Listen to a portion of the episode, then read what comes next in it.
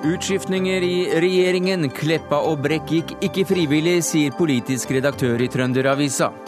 Anders Behring Breivik var tilregnelig 22.07, fastholdte andre psykiatritime i retten i dag, men de tvilte selv langt ut i rettssaken. Strømmestiftelsen ville hindre kenyanske fotballag å komme til Norway Cup etter mistanke om sexmisbruk. En hetskampanje mot klubben, mener Toppen Beck. Og Bono hentet nobelprisvinneren til Dublin i privatjetten i kveld. Han er nok litt PR-kåt, mener musikkjournalist.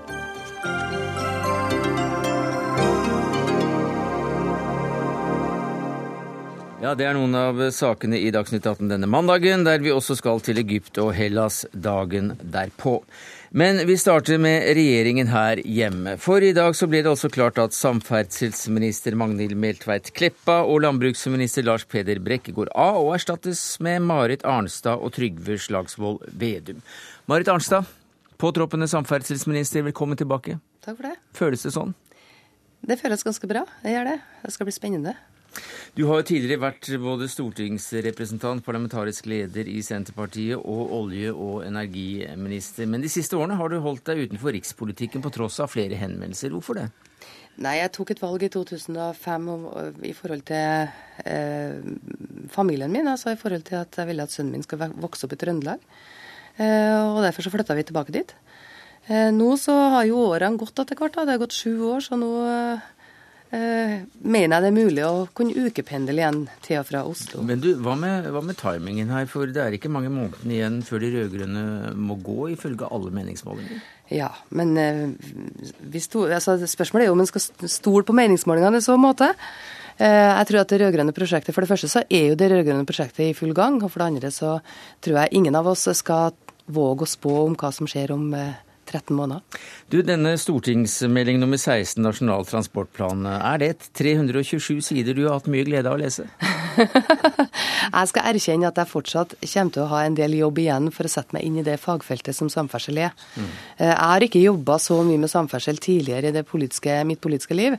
Så jeg skal bruke litt tid framover nå i løpet av sommeren til å sette meg grundig inn i en del av de viktige sakene. Og Et råd kan du vel gi henne, Magnhild Meltveit Kleppa, som avtroppende samferdselsminister?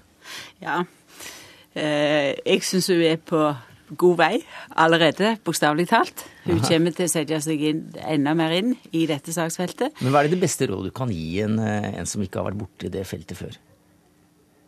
Hun er ikke så fersk. Altså, jeg kjenner Marit.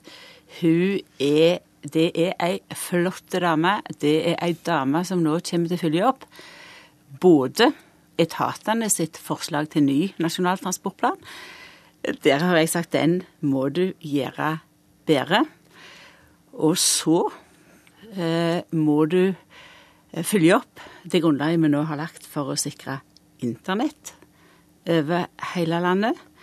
Og så, er det et stort korps av eh, fagfolk som du kan spille på i eh, både i departementet og i etatene. Dette blir så bra. Mm. Men hva med de fem milliardene som eh, skal bevilges for å få hele Ryfylke samlet eh, under tunneler og, og, og broer og, og, veier? Altså, det er vel ikke et skjær som unngår stempelet til, til Kleppa etter dette? altså Hvis du nå tenker på Ryfast, ja. så er jo det som er helt spesielt med Ryfast, det er at de som reiser der, har tenkt å betale alt sjøl ikke ei krone eh, skal staten ut med der. Det betyr at eh, det løftet som fremdeles skal gjøres på samferdsel år for år framover, den oppfølginga ifra, eh, ifra det nivået vi er på i dag, det skal mm. gå til ulike prosjekter fremdeles over hele landet. Så det trenger ikke Marit Arnstad å bekymre seg for? Nei, hun skal ta det første spadtaket nå til høsten. Da håper jeg jeg får være med. Det lover du kanskje, Arnstad? Ja, det tror jeg vi skal. Men, men hva er det du gleder deg mest til i den nye jobben? Altså, jeg syns det er eh, veldig artig å få lov å komme inn i politisk arbeid igjen. Mm. Altså det, du slutter ikke å være politisk engasjert fordi om du står på utsida av det aktive partipolitikken. Det å få lov å komme inn i partipolitikken, og gjøre et jobb både for den rød-grønne regjeringa og for partiet mitt, det, det gleder jeg meg til. Og så var Magnhild veldig tydelig i dag, da. For altså, hun har jobba hardt og iherdig. Meget arbeidsom dame. Og hun sier det er tre store utfordringer. Du må bidra til en robust nasjonal transportplan.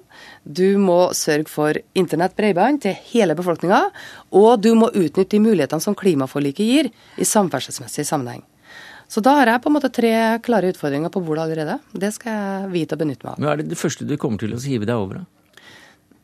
Ja, altså Det første jeg skal hive meg over nå i dagene framover, det er rett og slett å samle avdelingene i departementet mitt og høre, høre, på dem, og høre på hva som er de viktige og store sakene framover. Ehm, jeg vet jo som tidligere minister at et godt embetsverk, det er ehm, det er gull verdt. Men nå får jo også da Kleppa eh, sitt stempel på, på alle skjær og holmer i, i Ryfylke. Når er det høyhastighetstoget kommer til Nord-Trøndelag, da? jeg skal ikke begynne å gå inn i enkeltsaker, og slett ikke verken høyhastighetstog eller Nord-Trøndelag spesielt. Altså, Jeg er nå utnevnt som samferdselsminister for hele landet, mm. og skal se på en nasjonal transportplan. Så Meltveit Kleppa, eh, hvorfor i all verden er det så gøy å, å være fylkesmann? Vet ikke om gøy er rette ordet, men det er klart Men det er veldig ettertraktet for politikere som uh, kanskje har sett uh, noe av middagshøyden og forsvinne? Det er klart at det er spennende å være regjeringa sin fremste representant i et fylke med det uh, brede feltet som en fylkesmann håndterer. Jeg har sittet fra andre sida. Jeg har fulgt fylkesmannen sitt arbeid i ulike departementer. Men jeg skal aller først nå var finanspolitisk talskvinne mm. på Stortinget, så jeg skal følge samferdsel fremdeles. Men du, du, har sagt nei til gjenvalg, så vi ser deg ikke rundt uh, Løvebakken så ofte som før etter neste valg? Det stemmer. Uansett. Jeg har vært 20 år i Oslo etter ja, altså når uh, neste høst kommer. Jeg syns det er på tide å slippe til nye krefter, og jeg er òg glad når det kommer nye krefter på plass i Samferdselsdepartementet. Ja, nye og nye. Vi kom jo inn på Stortinget samtidig en gang i tida. jeg har bare gått litt ut og frem og tilbake. Men du har sett dette livet nå noe ja. utenfra, og det, jeg er så glad at det er du som overtar i Samferdselsdepartementet. Men uh, hadde du lyst til å gå nå, eller ble du presset litt ut? Dette departementet er mulighetenes departement. Jeg har arbeidet eh, som om jeg ble sittende der lenge. Jeg visste at Senterpartiet kunne bestemme seg for å rokere om. Min dag i dag er først og fremst prega av takk for alt jeg har fått være med på. Men eh, du fikk ikke være med på beslutningen om akkurat tidspunktet du skulle gå? Det er opp til partiledelsen å bestemme hvordan eh, slike ting skal håndteres. Marit eh, Arnstad, som sagt eh, så er det mange som da ønsker eh, deg velkommen tilbake. Og det er sikkert mange som også vil savne Magnhild Meltveit Kleppa, avtroppende samferdselsminister. Takk skal dere to ha. Så er det neste par inn her, for landbrukssektoren fikk også, om ikke et nytt ansikt, så om ikke en ansiktsløftning, så i hvert fall eh, en liten forandring i toppen her. Lars Peder Brekk, avtroppende landbruksminister. Hva er det lureste din eh, påtroppende eh, landbruksminister kan gjøre nå? Det er å sette seg veldig godt inn i saken. Det er et vidt fagfelt som, eh, som en skal dekke som landbruks- og matminister. og Alt fra internasjonale diskusjoner til eh, små saker som har betydning for bønder rundt omkring i landet, eh, for hele, alle matprodusentene. Det er viktig å være kunnskapsrik og bruke kunnskapen på en fornuftig måte. Mens det Jens Stoltenberg trakk fram spesielt når det gjaldt deg, Trygve Slagsvold Vedum, påtroppende landbruksminister, det var det gode humør. Ja, det var jo veldig hyggelig, da. Jeg tror jo Etter å ha vært, med på vært i Stortinget nå i åtte år, så Nei, ikke åtte ennå, sju år, så har jeg erfart én ting. At for å få til politiske løsninger, så er det mellommenneskelig veldig viktig. Og hvis det er vanskelige forhandlinger, så skader det heller ikke med godt uh, humør. Så det var jo hyggelig at statsministeren valgte å trekke fram den sida ved meg. Nei, Tror du at landbruksforhandlingene i år hadde glidd lettere hvis det hadde vært litt mer latter?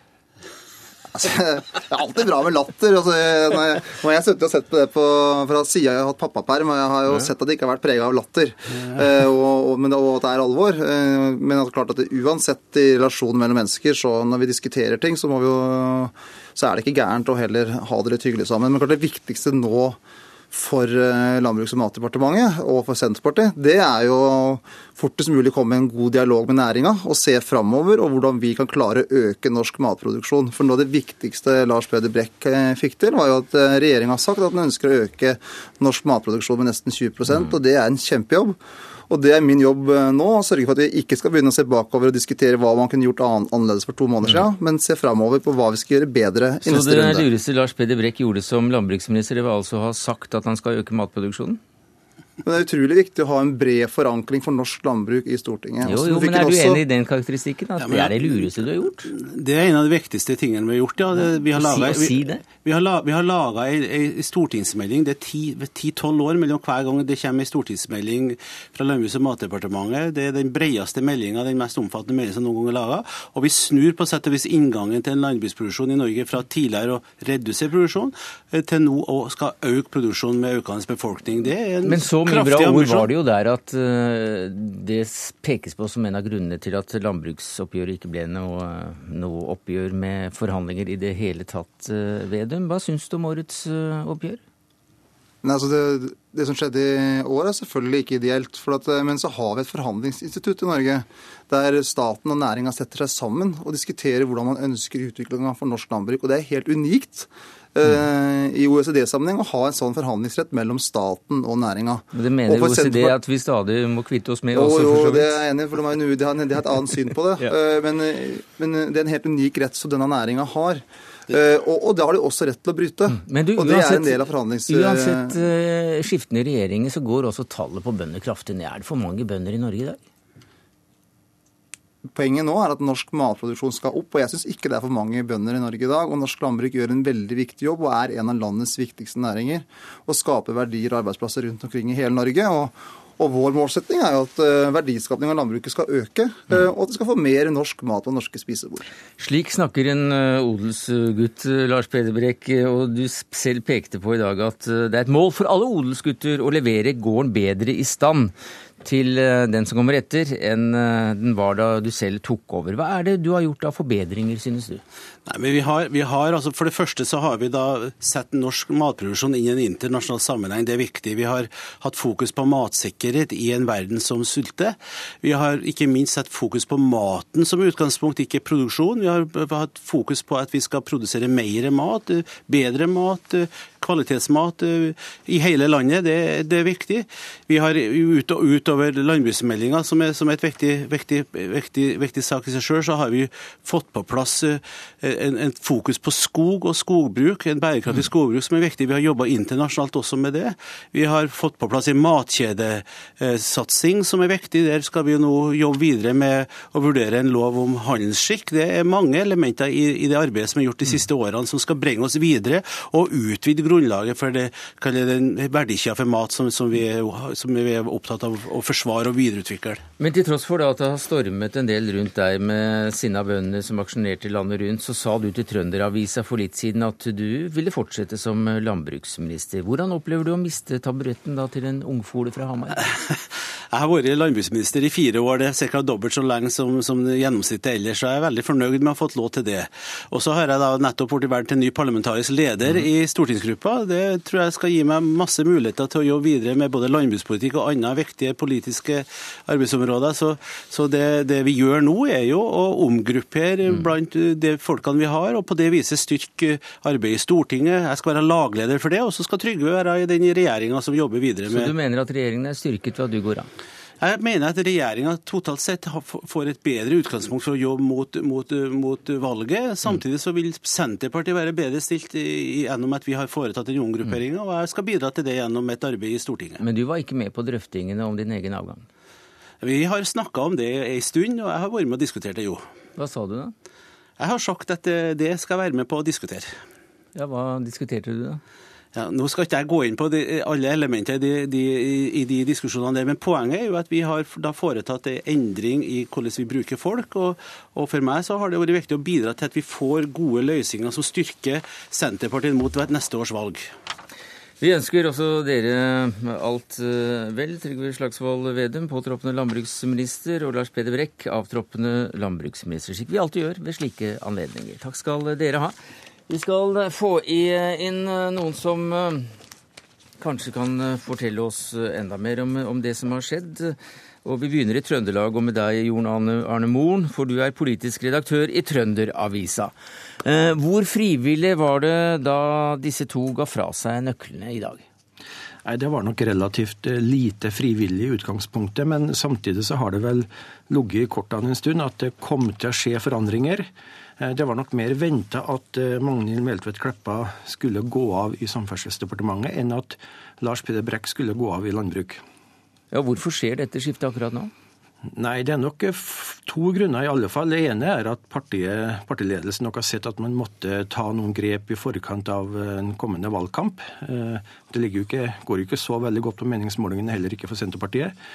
Andre, så det, Man måtte komme en god tid før oppstarten til neste valg. Det andre er jo at man nå har uh, igangsatt jobben med Nasjonal transportplan, og det var nok uh, riktig sånn i forhold til det også å ta skiftet akkurat nå. Men du, Lars Peder Brekk uh, ville jo ikke si om han hadde vært dypt involvert i akkurat tidspunktet for sin egen avgang, og det er kanskje ikke så rart. Men han er også blitt dyttet på tidligere. Hva skjedde for 15 år siden? Ja, For 15 år siden så ble jo Lars Peder Brekk ofra i et eh, spill han selv har betrakta eller omtalt som skittent. Da han var eh, nestleder i Senterpartiet, hadde vært i noen år og var innstilt på en ny periode som nestleder, var nominert. Eh, og på landsmøtet, så å si på nattestid, så foregikk det et spill bak hans rygg som førte til at han ble kastet av landsmøtet som, som nestleder i partiet. Hva tror du han føler i dag?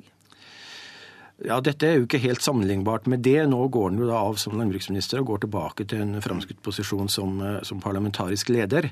Men det er klart at i dette spillet her så ligger også kampen om stortingsnominasjon i Nord-Trøndelag, som jo nettopp står mellom Lars Peder Brekk og Marit Arnstad. Ja. Eh, og det, det, er klart at Inntil nå så har muligens Lars Peder Brekk vært den som har hatt det, det beste kortet i den kampen. Det kan vel fort tenkes at det nå snur. Magnus Takvam, politisk kommentator her i NRK. Marit Arnstad er blitt sett på som eh, en Senterpartistjerne. Hva innebærer det at hun kommer inn i rikspolitikken igjen nå?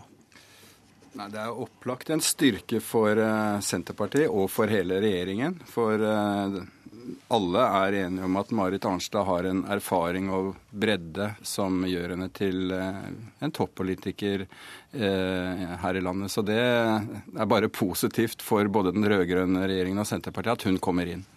Men har det noe å si for andre kabaler? Altså hun, hun var vel tiltenkt av mange som en mulig eh, kommende leder for hele partiet? I sin tid eh, var det mange som eh, Eller så var hun en opplagt potensiell partileder.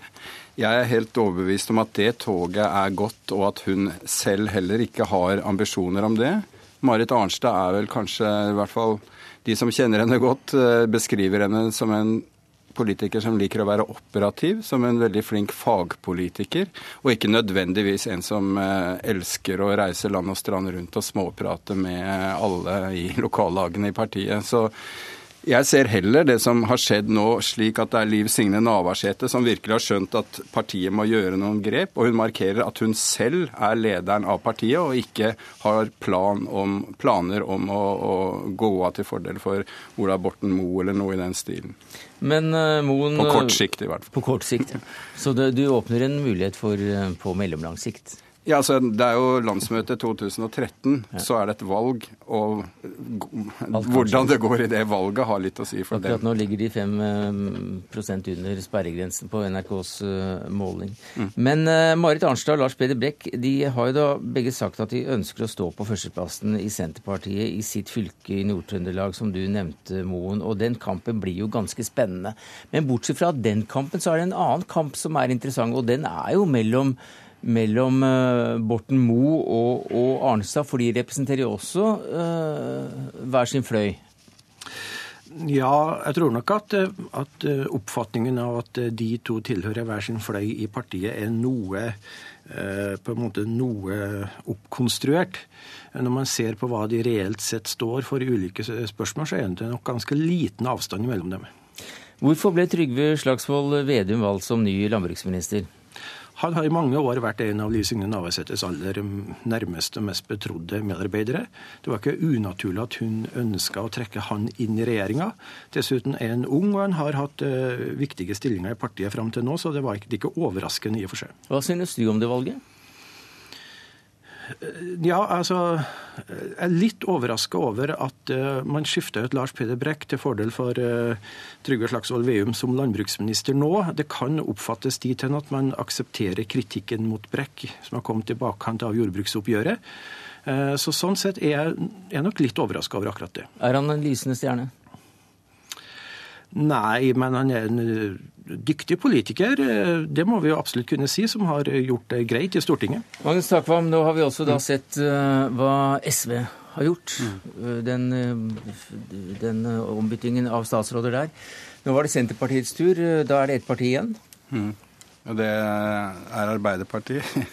og jeg hørte det var vel Trine Skei Grande som var skuffet over at det ikke kom noen endringer der også, i samme slengen. Men det kommer endringer i eh, Arbeiderpartiets mannskap også, men eh, Og det kan godt hende det kommer skal vi si, flere statsråder når det eh, skjer, men tidspunktet er vet vi ikke enda, Men jeg tror det kommer noe til høsten i, i den gaten. Takk skal du ha, Magnus Takvam, politisk kommentator i NRK. Og til deg, Jon Arne Moen, politisk redaktør i Trønderavisa.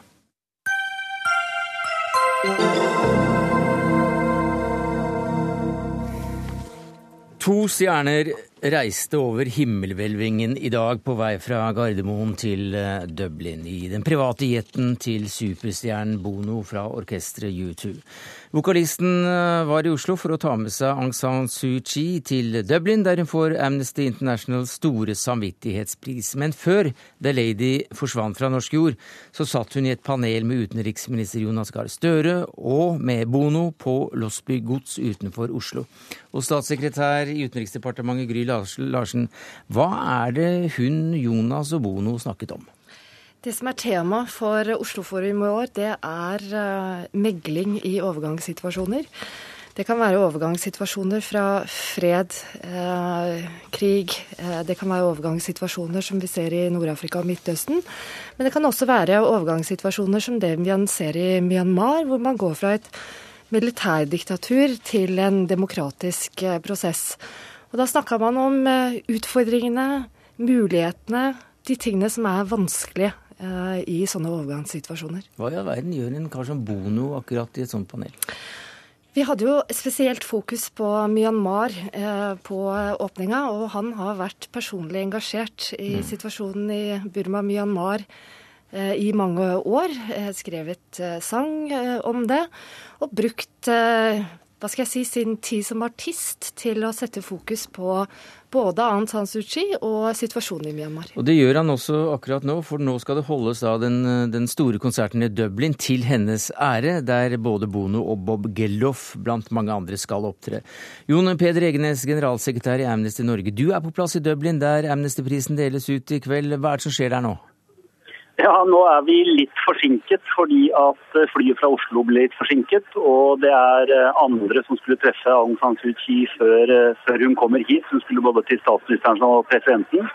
Men nå er det like før, og jeg må si her er det et smekkfullt teater. 2000 mennesker. Det er mange mennesker som står utenfor, fordi det skal også være, som i Oslo, en, et, et, et møte der flere folk enn de som kan kjøpe billetter, kan treffe henne. Så, så her er det stor spenning, og det var vanskelig å få folk inn i teatret fordi folk hadde veldig lyst til å se henne ankomme. Men nå har de blitt uh, tvunget på plass. Nå er det bare jeg som står igjen og har vakter som vinker på meg. Hva gleder du deg mest til i kveld? Nei, altså, det, det var fantastisk å høre Aung San Suu Kyis eh, nobelforedrag. Det var eh, om mulig nesten enda bedre å, å, høre henne snakke fritt uten manus til eh, folket på, på Rådhusplassen. Men jeg må si at nå, helt uten nerver, der jeg skulle snakke sjøl på Rådhusplassen osv., så, så skal det bli veldig deilig liksom, å høre hva hun har å si når, når jeg ikke trenger å konsentrere meg om å, å gjøre ting selv. De er det aller største. Og så blir det veldig mye bra kunst her. Det er fokusert på bono- og rockemusikk, men her er det poesi, her er det mm. dans, her er det mye som skal skje. Så det tror jeg blir en, en fin kveld på mange og, måter. Og Gildof og Bono skal sammen synge bursdagssangen, har vi hørt. Ja, du, Jeg må innrømme at jeg kjenner ikke alle detaljene, men uh, hvis de skal det Hun har vel bursdag i morgen, ja. hvis jeg ikke tar feil. Så det er sannsynlig at det blir noe bursdagssang, kan jeg tenke meg. Da må du, Plus, da. Forte, forte deg inn, eh, Egenes. Takk for at du var med oss som generalsekretær i Amnesty Norge. I fare for å ikke komme inn på konserten, for folk rev og slet i deg. Men tilbake til denne, til denne konferansen som de også da satt eh, og, var en del av panelet her uh, i Oslo. Det er, en, det er en konferanse, årlig konferanse med 100 uh, meklere og fredsarbeidere. Og i år så hadde de også da et, et uh, storslått panel å, å, lytte til på, på, på, den første konferansedagen, nemlig Bono og, og fredsprisvinneren. Eh, for ikke å nevne vår egen utenriksminister. Men eh, hva var det de la vekt på? Altså, hva, hva, legger en kar som Bono vekt på når han snakker til en sånn forsamling? Nei, det Bono var eh, bl.a. Eh, opptatt av, det var eh, viktigheten av at folk får muligheten til å bli inkludert i prosesser eh, som skal føre til fred. Og Da brukte han jo det sterke engasjementet sitt, men, men han brukte også en, en, del av erfaringene som han har gjort seg, bl.a. med å vokse opp eh, i eh, Irland. Så han trakk det på en måte inn i eh, diskusjonen. Og så var Aung San Suu Kyi spesielt selvsagt opptatt av situasjonen i, i Myanmar. Eh, og hun hadde i hvert fall et veldig sånn sterkt budskap, syns jeg. Og det var at hun er veldig genuin i ønsket eh, med å ha dialog eh, med myndighetene. Mm. Så hun snakka om viktigheten av det, og også viktigheten av at alle parter nå i Myanmar at de innstiller seg og endrer hva skal jeg si, de, de, de mentale kartene som de har hatt eh, for å forberede seg på den situasjonen som nå må være med å ha dialog og finne felles løsninger for den demokratiske veien mm. som Myanmar nå skal gå. Og du uh, satt og hørte på, du, som statssekretær i Utenriksdepartementet, Gry Larsen. Idet vi har fått uh, besøk også av fjernsynets uh, NRK2, så skal vi fortelle at superstjernen Bono fortalte at han var starstruck, overveldet eller himmelfallen, eller hvordan man oversetter det, over å møte kvinnen som han skrev denne sangen til. Den er egentlig ganske enkel. Det handler om å, å, takle motgang med å tørke tårene og fortsette fremover eh, i livet. Det er ikke noe sånn spesielt politisk eh, budskap i eh, låten.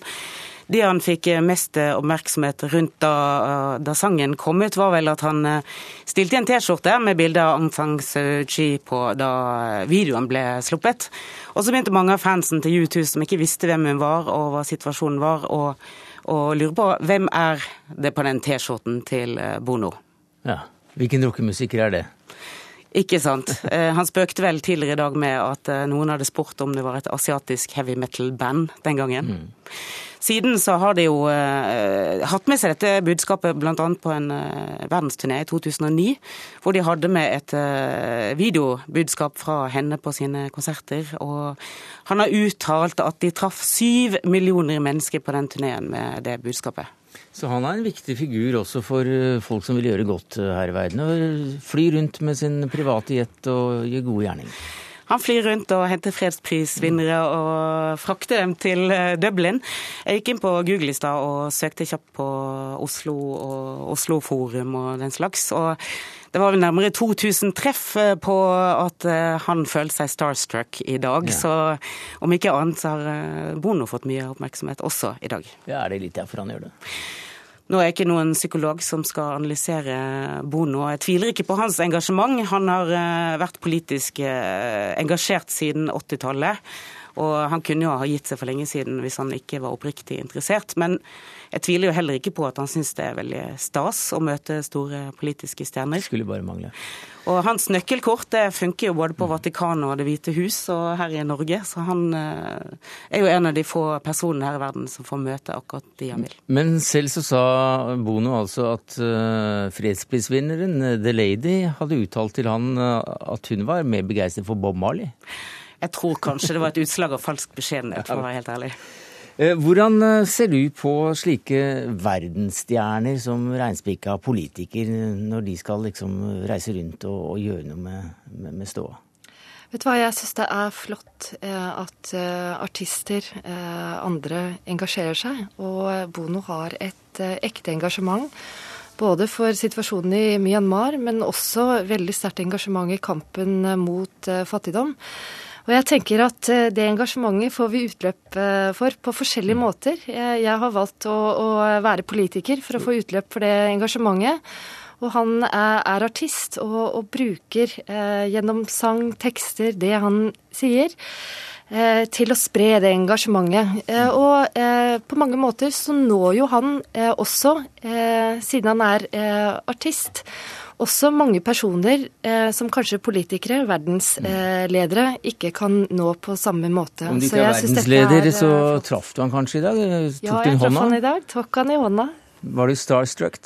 Altså, Jeg må jo innrømme at som U2-fan, eh, og som liker veldig godt den musikken, så syns jeg jo det var ekstra gøy å møte Bono. En fin dag på jobben for Gry Larsen. Takk for at du avsluttet den med å komme til oss i Dagsnytt 18 som statssekretær i Utenriksdepartementet. Takk til Kristin Vincent, musikkjournalist i NRK2.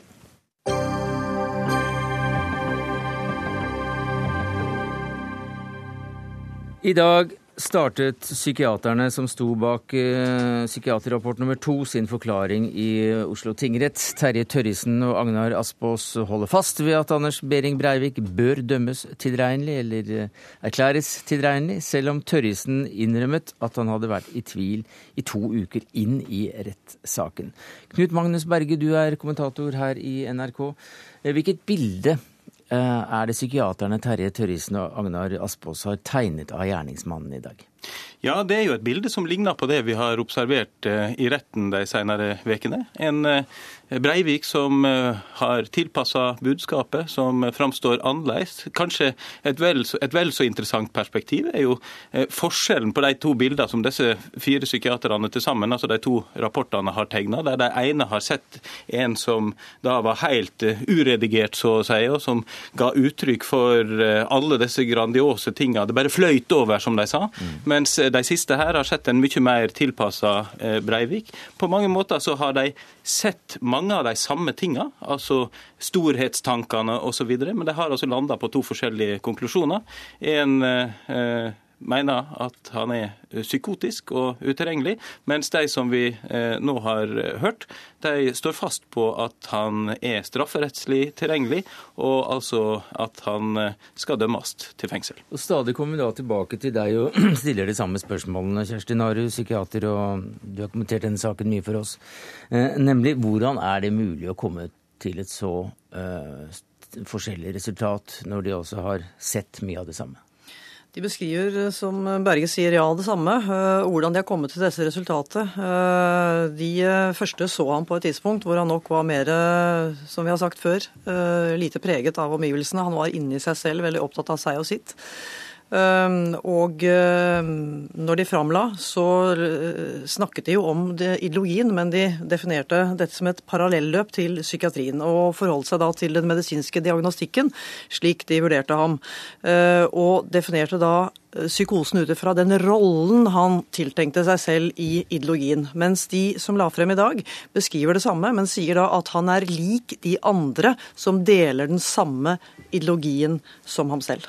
Men en av forklaringene til at konklusjonene er blitt så forskjellige, er også, som vi har hørt, eh, hvilket tidspunkt eh, de har observert ham, ham på. Er det slik at hvis du hadde tatt, helt hypotetisk, hvis du hadde tatt dette sakkyndigpar nummer to puttet de inn med Breivik tidlig i prosessen, så kunne de også kommet fram til samme resultat, og vice versa? Teoretisk, ja. Eh, det disse nå to siste gjør, de legger jo veldig vekt på eh, hans eh, barndom eller ungdomsår, beskrive de trekkene i ungdomsårene, det mer dyssosiale, avvikende, og legger da grunnlaget for personlighetsdiagnosene de kommer frem til. For de diagnosene, den narsissistiske, spesielt den dyssosiale, og de nevnte også den paranoide i dag, dette er jo diagnoser, men også markante avvikende trekk. Og det er også diagnoser eh, som man vet eh, Altså lidelser, da, som eh, er en slags gir en sårbarhetsfaktor i forhold til utvikling av annen psykisk mm. lidelse, også psykoser. Så det er de beskriver noe forskjellig, men også veldig mye likt. Men det er fortolkningen, vurderingen deres, som er forskjellig. Og så spørs det jo da hva retten vil gjøre, om de da hører på det massive innspillet fra diverse sakkyndige vitner både på ideologi og psykiatri, og de to siste psykiaterne som har eh, fått en observasjon, tre uker døgnobservasjon, eller de to første. Magnus, Knut Magnus Berge, Tørresen sa i dag at han hadde vært i tvil til langt inn i denne rettssaken. Hva var det for noe? Veldig interessant, og i og for seg også Eh, eller av to grunner. Det ene er jo at vi vet at tvil er et veldig sentralt stikkord i dette. Det kan vi kanskje komme litt tilbake til. Eh, det andre er at vi fikk beskrevet det for eh, første gang. Han var altså såpass i tvil om Breivik var psykotisk pga. at han altså da ikke reagerte adekvat på de mange sterke beskrivelsene som kom i retten. Han var så i tvil at han ba om en egen samtale som ble gjennomført da i, slutt, nei, i begynnelsen av mai, men landa til slutt på at han står står på eh, det som de hadde skrevet i eh, erklæringa, altså at han lider av personlighetsforstyrrelse, og at han da ikke er psykotisk. Men det at han er i tvil, det er et moment i seg sjøl. fordi at her flytter vi oss fra psykiatrien til jussen. Mm. Og eh, når det gjelder jussen, så, så er det uavklart hvor mye tvil man kan tillate i denne saken. her. Fordi at Slik som, den står, så skal det altså bevises at han er eh, tilgjengelig. Og hvor mye tvil tåler man før man anser det bevist. Det er vel det Riksadvokaten har eh, tenkt at denne retten kan si noe om? Ja, altså det som er situasjonen både for påtalemyndigheten i første omgang nå, som skal legge ned påstand om å bestemme seg, og for retten, er at psykiatrien kommer ikke til å gi dem noe klart råd i denne saken. her. De får et sprikende råd, eh, og de må altså bestemme seg. Men Naru, eh, ved å, ved å erkjenne eller vise sin egen tvil, eh, undergraver da ikke Tørrisen rapporten som han skrev? Jeg syns ikke det. Jeg syns det er helt rimelig at de sakkyndige viser tvil. Eh, de første sa jo at eh, den tvilen de hadde, var jo at de har eh, forsøkte da å vise til den vurderingen og tolkningen de har gjort, hvordan de har tenkt. Og åpne for at det er andre tolkningsmuligheter, men de står på sin vurdering. Det samme gjør de to nye sakkyndige nå. De viser til denne tvilen, og det er jo litt psykiatriens problem i forhold til jussen. For i jussen så er det ja-nei. I psykiatrien så vurderer vi også på den ene på den annen måte. og Det er de to uh, vitenskapene opp mot hverandre, og det er en stor stor utfordring. Knut Magnus Berge, da det, det første paret uh, ble ferdig på fredag med sin gjennomgang og, og, spørsmål til seg, så var jo da dommen, om vi kan kalle det ganske entydig at de hadde klart seg veldig bra. Eh, hvordan vil du si at eh, Tørrisen og, og kompanjongen klarte seg i sin fremleggelse i dag? Ja, Spørsmålene det, kommer i morgen. Det er jo en, et, viktig poeng i den sammenheng. Nå har de lagt fram rapporten. I og for seg så er ikke det kommet veldig mye eh, nytt i dag. De klarte det på en helt utmerka måte, så vidt jeg kan bedømme. Men det er jo i morgen, når partene skal spørre dem ut om de tinga som eventuelt er svakheter i denne rapporten, at det blir interessant å følge med. vi vet jo at Den rettsmedisinske kommisjon hadde innvendinger til denne rapporten. De sa at eh, de får komme i retten og så gjøre greie mm. for svakhetene ved rapporten der. De spørsmålene kommer til å komme i morgen. Ganske kort, dette er første dag i den siste uka av rettssaken, antakelig. Eh, hvordan blir den? Jeg tror at uh, også denne veka kommer til å bli veldig prega av uh, psykiatri. Nå har vi én dag igjen, uh, nemlig spørsmålsstillingene til de to siste. så vil det bli en dag på onsdag som er i regi av bistandsadvokatene. og så får vi prosedyrene. Det som er viktig sikkert for folk å merke seg, er at det blir jo ikke noen dom på ganske mange veker enda, selv om hovedforhandlingene da er ferdig på fredag. Takk skal du ha, Knut Magnus Berge, kommentator her i NRK, til Kjersti Nare Narud, psykiater.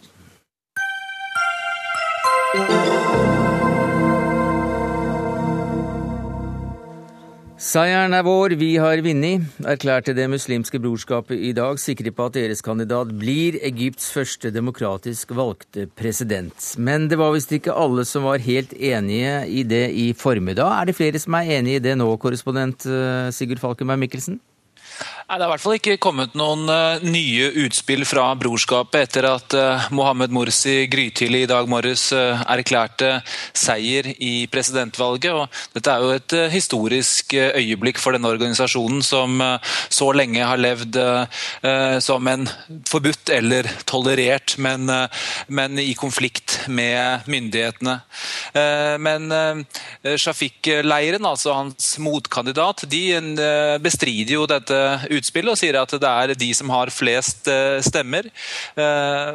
Og myndighetene lar egentlig de to leirene holde på og komme med sine utspill og sier at det kommer ikke noe avklaring på dette før til torsdag.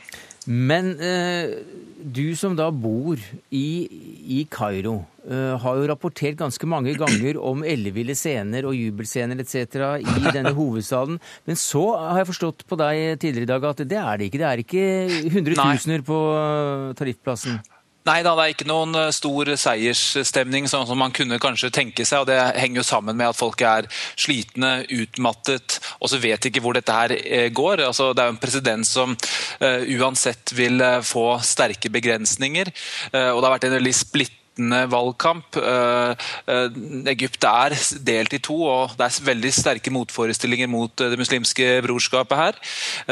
Og så venter jo folk da på det endelige resultatet, kanskje før de tør slippe gleden løs. Men jeg var på Tahrir-plassen i stad, og da var det kanskje et par hundre stykker der. Og de er ganske sikre på var busset inn fra landsbygda, for ikke langt borte så sto de bussene som de pleier å bruke når de kjører inn folk på, inn til Kairo. Bjørn Olav Utvik, eh, professor ved Universitetet i Oslo. Etter 50-tallet og, og, Nasser så har Egypt hatt sterke presidenter. Men det er ikke helt sikkert at Morsi, hvis det blir han, da, blir en sterk president. Hvordan henger det sammen? Det er sånn at Militærrådet i går kom med en uh, erklæring som justerte Grunnloven på en del punkter. Og det var ganske oppsiktsvekkende. Eh, det hører med til historien her at for, no, for noen få dager siden så kom, vedtok grunnlovsdomstolen at valget til parlamentet hadde vært ugyldig. Og Dermed så sier nå Militærrådet at uh, parlamentet er oppløst. Man har ikke noe parlament. Så sier de da at så da inntil videre skal Militærrådet eh, ha den lovgivende makta. Det er for så vidt logisk i forhold til Egypts historie. Sånn har det vært når parlamentet ikke har vært der. Så har presidenten hatt lovgivende makta, og militærrådet agerer jo nå president. Men så skulle de altså etter presidentvalget gi makta til en nyvalgt president. Og da skulle den lovgivende makta i så fall gå til han, hvis det ikke var noe parlament. Men nei da, de sier nå skal vi sitte med den lovgivende makta inntil eh, det har kommet en ny grunnlov og det er valgt et nytt parlament, altså nå på ganske ubestemt tid. Så, så, den presidenten som eh, Og det andre de sier, er jo at de skal beholde full kontroll over alt som har med militære affærer å gjøre. Så den nyvalgte presidenten vil antageligvis da få lov å danne regjering, som er viktig nok. Men han vil eh, stå opp mot et militære som kontrollerer alle de væpna styrkene. Og, han, eh, og de vil, militærrådet vil sitte der med makta over lovene, og dermed også over, egentlig over budsjettvedtak. Men det som da virker ganske viktig her, eh, det er å få en grunnlov på plass. For uten en mm. grunnlov så vet jo ingen eh, ja, noen ting omtrent. Eh, hvem er det som da utpeker eller bestemmer hvem som skal sitte i denne grunnlovsgivende forsamlingen? Ja, Det skulle altså parlamentet gjøre. Ja, Men de er borte? De, men det siste de gjorde før de ble oppløst, var at de fikk eh, omsider nedsatt, eh, for, for, andre gang egentlig, men nå etter konsensus, da, nedsatt en grunnlovgivende forsamling. Mm -hmm. Så sier militærrådet det er fint, men det kan komme til å komme klager på den grunnlovgivende forsamlinga, fordi noen av de som sitter der, er, kommer fra dette parlamentet. Så da sier de så hvis den ikke får fullført sitt arbeid, så skal vi, Militærrådet, nå utnevne den grunnlovgivende forsamlinga. Og det er ikke minst den viktige makta de nå har tiltatt seg. Det er litt forvirrende dette her, Falkenberg Mikkelsen. Hva slags maktkamper er det vi egentlig er vitne til? Ja, nei, altså, Det er veldig forvirrende på detaljplan. og uh, Folk her nede er jo også, også, ganske slitne, og de skjønner jo ikke helt hva som foregår. og Det var en karikaturtegning i en av de store avisene her som eh, visst hadde tittel 'Egypts tilstand' og var bare stappfull av kruseduller. Uh, men jeg tror at altså, på detaljplan så er det veldig forvirrende, men det store, store bildet er egentlig ganske tydelig. og Der, der ser vi en konflikt mellom hæren, som har vært en statsbærende og veldig viktig institusjon i Egypts historie, Eh, og det muslimske brorskapet, eh, særlig da, som har vært, er den viktigste politiske drivkraften eh, utenfor systemet. Og så har vi også sett at det gamle regimet, altså gjennom Eh, Mubaraks eh, i teorien oppløste parti, NDP, altså Hisbal Watani, eh, har vært veldig aktiv i valgkampen rundt Shafik. sånn at her er det også en del tydelige nettverk som nå prøver å, å mm. skaffe seg makt og innflytelse framover. Det står jo om Egypts framtid, dette her. Utvik, du kjenner forholdene i Egypt svært godt gjennom veldig mange års studier av dette landet her. Hva tror du kommer til å skje nå? Det som kommer til å bli, at det kommer til å komme folkelige protester mot uh, militærrådets tilraning av, av, mye mer makt enn, enn de skulle ha i forhold til det som har vært avtalt. Uh, styrken på de prosessene den kommer til å avgjøre om vi nå går mot en uh, demokratisering av Egypt, eller om vi blir kasta ut i en helt ny Eh, overgangsperiode, eller i verste fall sklir tilbake til, til Mubarak-diktaturet. Og Styrken i protestene igjen, det kommer da an på denne splittelsen som ligger der mellom brorskapet, som vil ha i og for demokratisering, men andre krefter som, som er skeptiske til, mot islamisering. Men eh, ja, de neste dagene og ukene vil fortelle oss mye om hvor det går. Var det, et, eh, var det en kontrarevolusjon eller et Statkupp light? Det er et statskupp light. Det er ikke fullstendig så lenge den nyvalgte presidenten får lov å tiltrå og danne regjering, men det er eh, et, eh, et forsøk. Det er et sånt statskupp light, ja. Takk skal du ha for du kom til Dagsnytt 18 og fortalte oss om dette, professor ved Universitetet i Oslo, Bjørn Ulav Utvik, og til deg, Sigurd Falkenberg Mikkelsen i Kairo.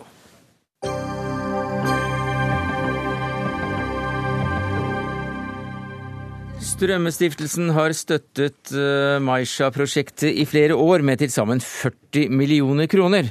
Prosjektet står bl.a. Uh, bak uh, laget Matare United, som har vært med i Norway Cup siden 1990, som en del av arbeidet for i hvert fall 25 000 slumbarn i Kenya. Men så kom altså disse beskyldningene om både korrupsjon og sextrakassering, og til TV 2 fortalte en ung jente at hun måtte ha sex med treneren for å få bli med til Norway Cup.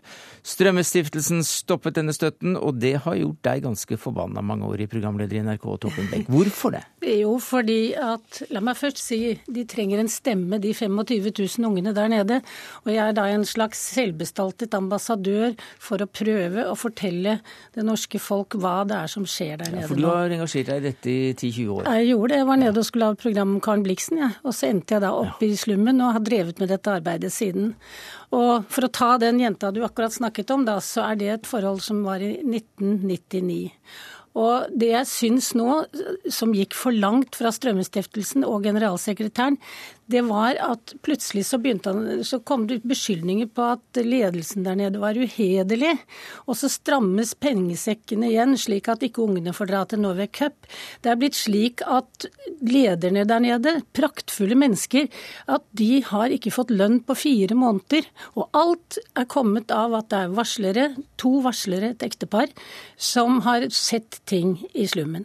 Og den som har virkelig vært i slummen, øh, og ikke har skjønt at disse ungene som har det verre enn noen andre barn jeg har sett i hele denne verden, det er klart det skjer det samme som det skjer på Tryvann med russen her, hadde jeg nær sagt. Det er klart at disse menneskene de vokser opp med kloakken i, i skuret sitt. De vokser opp med fedre som har stukket sin vei, mødre som ikke får prevensjon, men blir solgt billige sukkerpiller.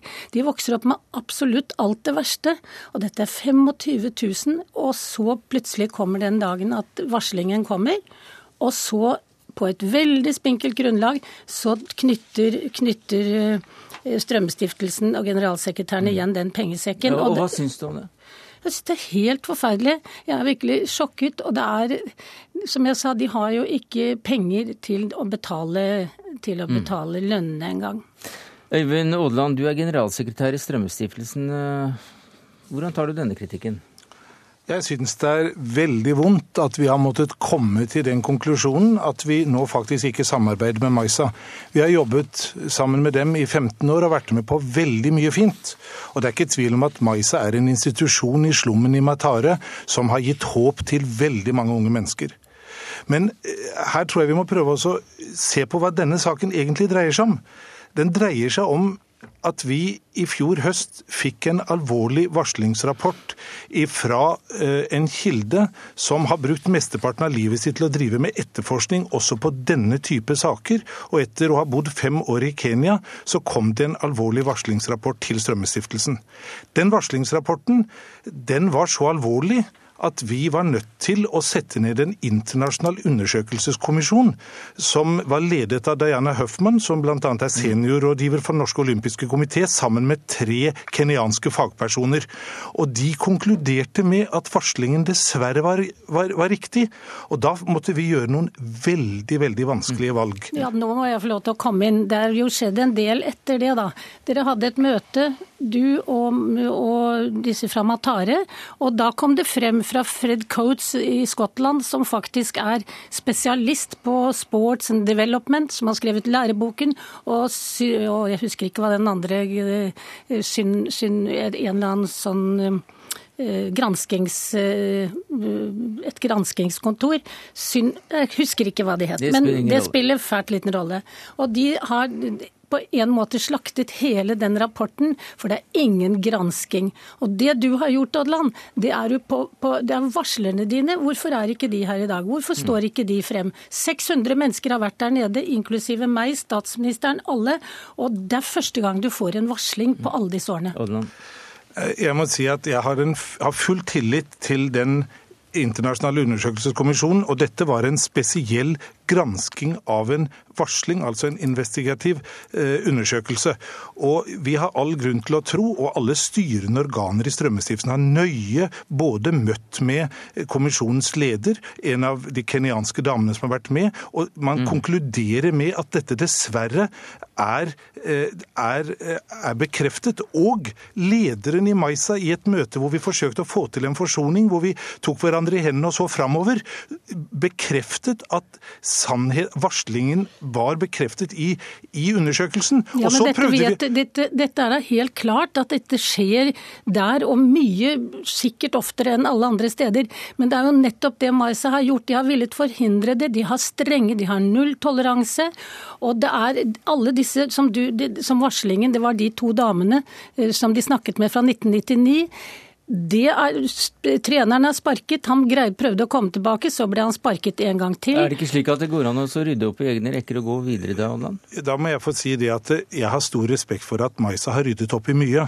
Men det er påpekt i den undersøkelsen som vi tar utgangspunkt i, at det, de konkluderer med at nå er det fortsatt veldig viktig at det blir en eh, organisasjonskultur som er mye mer gjennomsiktig, slik at folk tør å komme fram med De tør visst tør de. Ja, du, du, må eh, ikke se med brillene til menighet i Kristiansand. Du må ikke drive sånn. Har du vært i Matare noen gang? Jeg har vært i Matare veldig mange ganger. Jeg har 35 år bakgrunn fra Afrika. Og dessverre så er det vi nå snakker om et veldig stort problem. For det det dreier seg om, det er jo barne- og menneskerettigheter. Det er det saken dreier seg om. Det er ikke en krangel mellom Maisa og du, komme, du sitter i Kristiansand, jeg må nesten få komme ja. inn her fra Oslo. Frode Kyvåg, nemlig lederen i Norway Cup, kunne ikke være med i denne debatten. Men han sier til oss at han er skuffet over at Strømmestiftelsen trekker støtten, og at Norway Cup har utelukkende gode erfaringer med, med Maisa. Vi har masse gode erfaringer med Maisa, men saken er den at vi har ikke klart å adressere noe som dessverre fortsatt foregår. Og det er en ukultur i Maisa som vi ønsket sammen med Maisa å sette fokus på. Men er, det, er toget gått, eh, alle kraner stengt for Maisa framover, eller jeg kan kunne, du gi Toppen Beck et lite håp? Jeg kunne tenke meg å gå i en dialog jeg, Toppen mm. Hvor vi kunne se på hvordan vi sammen kunne adressere det som faktisk er et stort problem, og som ikke er klart og, og tatt, tatt, tatt, bort. Men, det ønsker jeg gjerne, Men jeg vil bare sitere en liten melding fra Terje. Kan du ikke holde på det positive, da? At du jo, så gjerne vil det, og så kan dere Det er nettopp det som er så flott at du sier. For det første så skal jeg berømme Strømstiftelsen for alt de har gjort. Men på en annen side så sier Terje Wiktel, som er avdelingsdirektør i Norad nå for noen dager siden, han karakteriserer Maisa slik, og da skjønner jeg at du vil være med videre, Odland. En høyt respektert organisasjon som kobler ungdom og sport med samfunnsnyttig arbeid. Litt hyggelig kom du ut av denne diskusjonen også. Takk skal dere ha. Toppen Beck, mangeårig programleder og støttespiller for Maisha-stiftelsen og Øyvind Odland, generalsekretær i Strømmestiftelsen.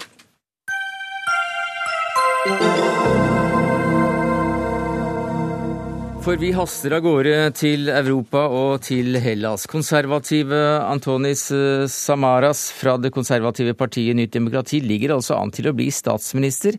Nå har Samaras tre dager på å danne regjering, og hvilke utfordringer ligger i det, Ulf Sveidrup, du er direktør ved NUPI, Norsk utenrikspolitisk institutt? Ja, det ligger mange utfordringer i det. Eh, både internt i politikken i eh, Hellas. Nå er jeg ikke ennå ekspert på indre greske hensyn, men eh, i tillegg så sitter jo de med en, en liten joker i, i, det store europeiske dramaet som utspiller seg. Ja, Hvordan har dette dramaet forandret karakter etter eh, den akten som ble avsluttet i går? Nå er det sånn at Hellas skal vi si, det er blitt et symbol, eh, tror jeg, mer enn reelt i forhold til euros eh, og kanskje til og med EUs eh, fremtid. Eh, den greske, tidligere greske regjeringa kasta jo kortene i forhold til det å følge den saneringspakken. Og, den, og nå var et valg i går, og da ble man med knepen flertall ble enige om at altså de som støtta videre fremtid med euro, vant jo det valget. Og det ga en liten pustepause. Det var nokså dramatisk. Jeg så bare i avisene at Merkel og mange europeiske ledere venta med å sette seg på flyet til G20-møtet inntil de fikk valgresultatene fra Hellas. Eh, så det holdt litt pusten. Ikke fordi at det her kan løse en eurokrise, men eh, hvis de andre hadde vunnet det valget i går, så ville nok eh, sjokket i markedet vært mye større, og i politikken. For da var sjansene for at Hellas ville trukket seg eller ble hevet ut av eurosamarbeidet absolutt til stede. Nå er de litt sikrere innenfor.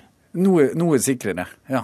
Men eh, altså, det, det, som er hovedpoenget, tror jeg, er at eh, det er frykten for spredning til Spania, til Italia og, og, resten av EU som er det store spørsmålet. Så signalet til, til Spania og, og, de andre landene i trøbbel, det er Eh, look to Hellas? Nei, altså Det er jo en veldig stor krise i Europa. Og den er jo, noe er jo eurokrisa. Men det er jo en fantastisk sysselsettingskrise. Enorm arbeidsløshet, sosial krise. Men selvsagt sosiale spenninger som følger av det. Kjempestor utfordring for hele Europa. Det andre er jo en bankkrise. Banker, det, Folk tar ut pengene sine av banker. Usikkerhet om valutaen. Frykt for ja, at du ikke har dine sparepenger i morgen. Og det, Den tredje store krisa er en statsgjeldskrise. Statene ikke har de pengene som de De er ikke i stand til å betale de og følge de velferdstilbudene som folk ønsker mm. å gi. Men du har studert EU eh, e i, i mange år. Eh, og hvor ser du da det som størst fare for at det blir virkelig sosial uro som kan velte om på mange spilleregler? Ja, Den sosiale krisa Eh, klart, Den uttrykker seg jo på mange måter. En er jo gjennom valgkanalen. Altså Gjennom valg så får vi en andre type politikere som vil velge å støtte andre typer prosjekter. Det kan være ytterliggående partier på høyre- og venstreside. Det eh, kan være fremmedfrykt, eh, rasisme etc. som kan vokse frem. Så det er det ene. Det, det, andre, det andre som er en viss spenning om, er om velgere og politikerne tror på et europeisk samarbeid, og hva skal være fremtida til det europeiske samarbeidet. Det er nok den store spenninga. Og for markene og for mange andre, og for Obama og sånn, så følger jo de spent med på om er det slik at eh, europeiske kriser skal splitte og spre seg over til å bli en global økonomisk krise. Hva tror du om sjansen for at eh, denne krisen kan føre til enda større integrasjon? Ja, det tror jeg. Altså det, Eh, som en kollega av meg på NUPI sa, så er det som å stå, på, stå med én fot på hvert isflak i ei elv. Og, og ja, hva gjør du da? Nei, det er ikke godt å si. Men man står veldig ustødig. Så det ene, ene bevegelsen er jo i retning av mindre europeisk integrasjon. Det andre er i retning av mer og tettere europeisk integrasjon. De aller fleste vil si løsninga i dag er å gå mot tettere europeisk integrasjon. Eh, felles gjeldspolitikk, felles pakke for banker og sånne ting. Men problemet er at politikerne ikke har kraft og legitimitet til å gjøre det. Da får vi se hva den konservative Antonis Samaras kan gjøre med den greske politiske situasjonen, i hvert fall. Takk skal du ha, Ulf Sveidrup, direktør ved Norsk utenrikspolitisk institutt. Det var det alt vi rakk i Dagsnytt 18 denne mandagen, takket være Karoline Rugeldal. Det tekniske ansvaret hadde Lisbeth Sellereite. Jeg heter Sverre Tom Radøy.